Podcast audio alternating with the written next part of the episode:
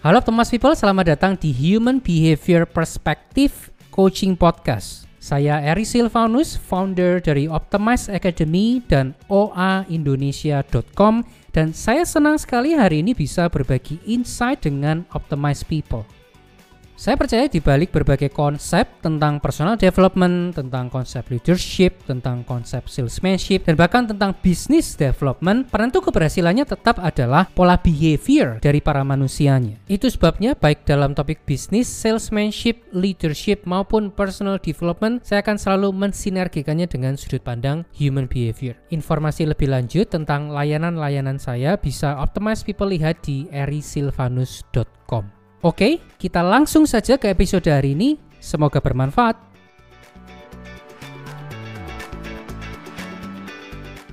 Bagaimana caranya supaya anak buah taat?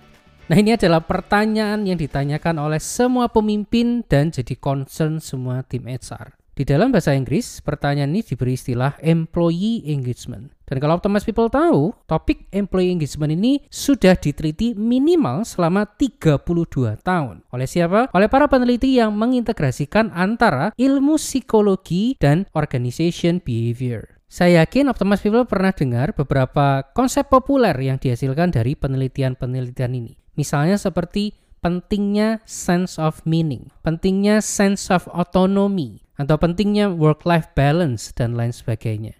Nah ini titik kritis yang mungkin tidak disadari. Penelitian-penelitian ini biasanya dilakukan di negara-negara maju seperti Amerika, Eropa, dan lain sebagainya. Jadi hasil penelitian ini beresiko tidak relevan kalau diaplikasikan di negara berkembang seperti Indonesia.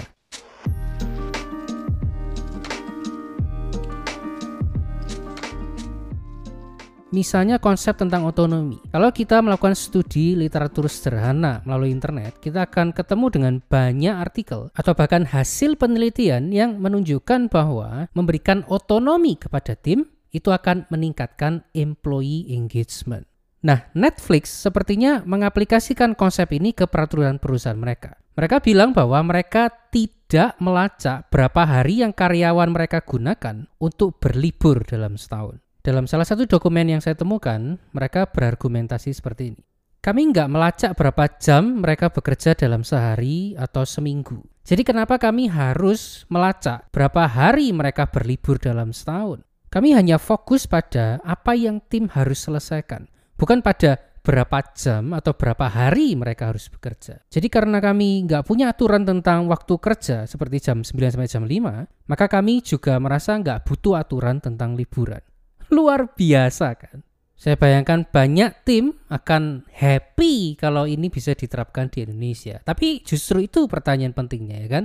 Apakah strategi seperti ini bisa serta-merta kita terapkan di perusahaan kita? Bisa kita copy paste gitu aja kak? Jawabannya tentu aja enggak. Konsep dasarnya menurut saya nggak salah. Memberikan sense of autonomy ke tim itu akan meningkatkan employee engagement. Strateginya yang tidak bisa kita copy paste gitu aja. Nah, sebagai organization development coach dan consultant, saya paham kita nggak bisa begitu aja mengimpor teori dan contoh-contoh dari perusahaan-perusahaan besar di negara-negara maju itu ke konteks kita di Indonesia. Setiap konteks situasi perlu strategi yang beda. Perbedaan sumber daya dana misalnya yang bisa kita alokasikan untuk gaji dan fasilitas buat tim itu juga punya pengaruh yang besar terhadap employee engagement.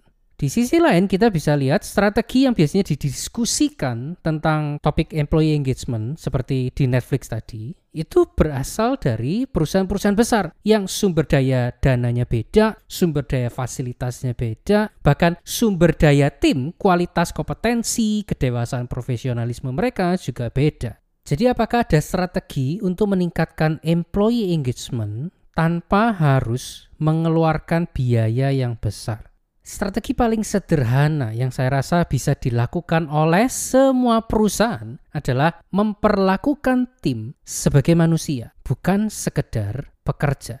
Dan ada dua cara paling sederhana untuk mulai memperlakukan tim sebagai manusia. Yang pertama, berkomunikasilah sebagai sesama manusia. Yang kedua, pahami hidup mereka secara utuh.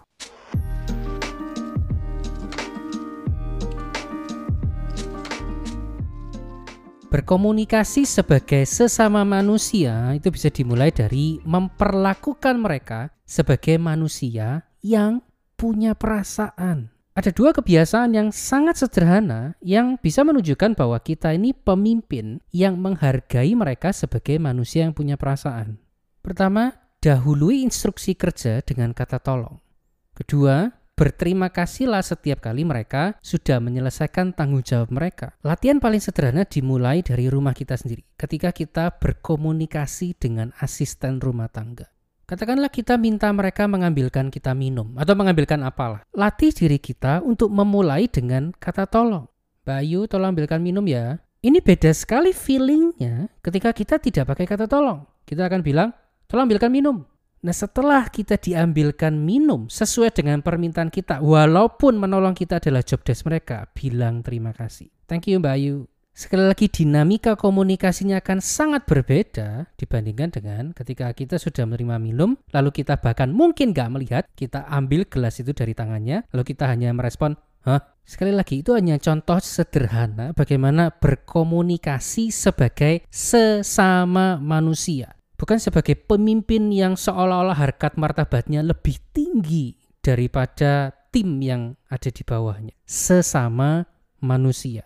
Dalam komunikasi teks, misalnya menggunakan WhatsApp, gunakan emoticon atau emoji. Ini kebiasaan super-super sederhana yang bisa menghindarkan kita dari konflik relasi yang nggak perlu. Hanya gara-gara tim itu salah menafsirkan intonasi kita. Misalnya sekarang sudah jam 10 malam, lalu ada hal penting yang kita baru saja teringat dan kita mau sampaikan ke tim. Nah akan ada perbedaan perasaan yang besar antara kita WhatsApp seperti ini. Eri tolong ini kerjakan ya, mendesak. Dibandingkan kalau kita WhatsApp seperti ini. Eri sorry, ini aku barusan kepikiran tapi ini mendesak. Besok pagi begitu kamu sempat, minta tolong prioritaskan yang ini ya. Lalu emoticon smiley dan tangan berdoa. Nah besok paginya ketika si Eri ini bilang siap, kita langsung balas dengan thank you, emoticon smiley dan tangan berdoa. Beda kan feeling komunikasinya. Sekali lagi ini bukan hanya sekedar tentang clarity dalam komunikasi. Ini tentang melindungi perasaan tim kita dari emosi negatif yang tidak perlu muncul. Sekali lagi ingat, goalnya adalah berkomunikasi sebagai sesama manusia. Kebiasaan sederhana lainnya misalnya menghargai ide atau inisiatifnya. Harus kita akui kadang-kadang ide dari tim itu memang tidak tepat. Dan kadang-kadang inisiatif mereka justru bikin banyak hal jadi berantakan. Tapi kalau kita terus-menerus memperlakukan mereka seperti orang yang bodoh, maka mereka juga akan kesulitan berkembang jadi tim kerja yang lebih baik. Kenapa? Karena kita tidak menunjukkan bahwa kita menghargai mereka sebagai manusia yang masih berproses menuju lebih baik dan lebih baik lagi. Ilustrasinya seperti parenting lah. Kalau anak kita itu bertanya, itu kan karena dia tidak tahu, tapi dia punya inisiatif untuk bertanya. Tapi kalau dia menanyakan pertanyaan yang buat kita konyol, lalu kita permalukan dia karena menanyakan pertanyaan konyol, maka lebih kecil kemungkinan si anak itu akan terus mau bertanya. Kenapa? Karena dia merasa kalau aku tidak tahu, kalau aku tidak bisa, kalau aku salah, maka aku beresiko dipermalukan. Jadi yang bisa kita lakukan sebetulnya adalah menghargai ide atau inisiatifnya. Kita tidak perlu menerima ide atau inisiatif itu, kita hanya perlu menunjukkan bahwa kita menghargai ide atau inisiatifnya. Kita bisa bilang misalnya seperti ini. Thank you ya Er, kamu sudah berinisiatif dan aku suka sekali dengan inisiatifmu. Cuman sepertinya kamu kurang mempertimbangkan faktor ini. Makanya jadinya justru nggak sesuai harapanmu kan, malah tambah berantakan. Sekali lagi, aku suka dengan inisiatifmu, Aku rasa kamu perlu pertahankan itu. Cuman ini yang kamu perlu belajar. Ketika kamu berinisiatif, tolong lain kali pertimbangkan hal seperti ini, ini, ini, dan ini. Supaya inisiatifmu nggak sia-sia. Dengan begitu, perusahaan ini jadi lebih baik karena kamu punya inisiatif yang bagus. Sekali lagi itu hanya contoh bagaimana kita bisa menghargai ide atau inisiatifnya. Kenapa kita perlu menghargai ide dan inisiatifnya? Karena kita ingin memperlakukan, karena kita ingin berkomunikasi dengan tim kita sebagai sesama manusia.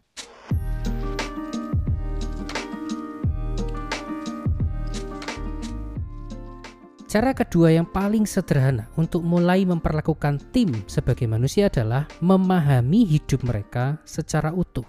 Memahami hidup tim kita secara utuh itu dimulai dari memahami pikiran, memahami perasaan, dan apa yang mereka pedulikan di luar pekerjaan. Mungkin kita khawatir membicarakan tentang hidup pribadi karena perusahaan kita belum bisa menyediakan gaji yang memenuhi kebutuhan finansial mereka. Tapi begini, banyak orang itu sebetulnya juga paham bahwa mereka pun sebenarnya tidak punya kompetensi yang cukup untuk punya penghasilan yang lebih besar. Nah, dalam situasi seperti ini punya pemimpin yang peduli tentang hal-hal seperti kesehatan kita atau kebahagiaan keluarga kita, itu bisa mengubah suasana relasi di antara sang pemimpin dengan timnya. Kepedulian seperti ini bisa membuat tim merasa bukan hanya punya pekerjaan, tapi juga punya pemimpin yang jadi teman seperjalanan dalam hidup ini kita nggak perlu harus mampu membiayai sekolah anak tim kita atau selalu memberikan hadiah waktu mereka ulang tahun pernikahan. Tapi coba ingat nama keluarga mereka atau menanyakan kabar keluarga mereka atau berdoa bersama. Hal-hal sederhana seperti ini bisa membuat mereka merasa punya pemimpin yang layak untuk dihormati dan diikuti. Dan bukankah itu sebetulnya yang kita inginkan dari pertanyaan yang paling populer ditanyakan tadi? Gimana sih caranya supaya tim itu taat? Mulailah dengan memperlakukan mereka sebagai sesama manusia, bukan hanya sebagai pekerja. Sekali lagi saya tidak mengatakan hasil penelitian yang dilakukan oleh para peneliti di Amerika atau Eropa itu sama sekali tidak berguna. Menurut saya konsep dasarnya selalu tepat, tapi strateginya tidak bisa kita copy paste begitu saja. Kalau konteks situasi kita memungkinkan, maka coba aplikasikan strategi yang dilakukan oleh perusahaan-perusahaan besar di negara-negara maju itu. Kalau sampai itu berhasil, maka bukan hanya perusahaan kita terlihat keren, tapi ini juga pasti akan mempermudah kita dalam hal rekrutmen. Kabar tentang betapa kerennya manajemen SDM di perusahaan kita pasti akan menarik perhatian kandidat-kandidat terbaik. Tapi di episode ini saya ingin menekankan bahwa level yang paling mendasar dalam hal employee engagement adalah mulailah memperlakukan tim sebagai sesama manusia.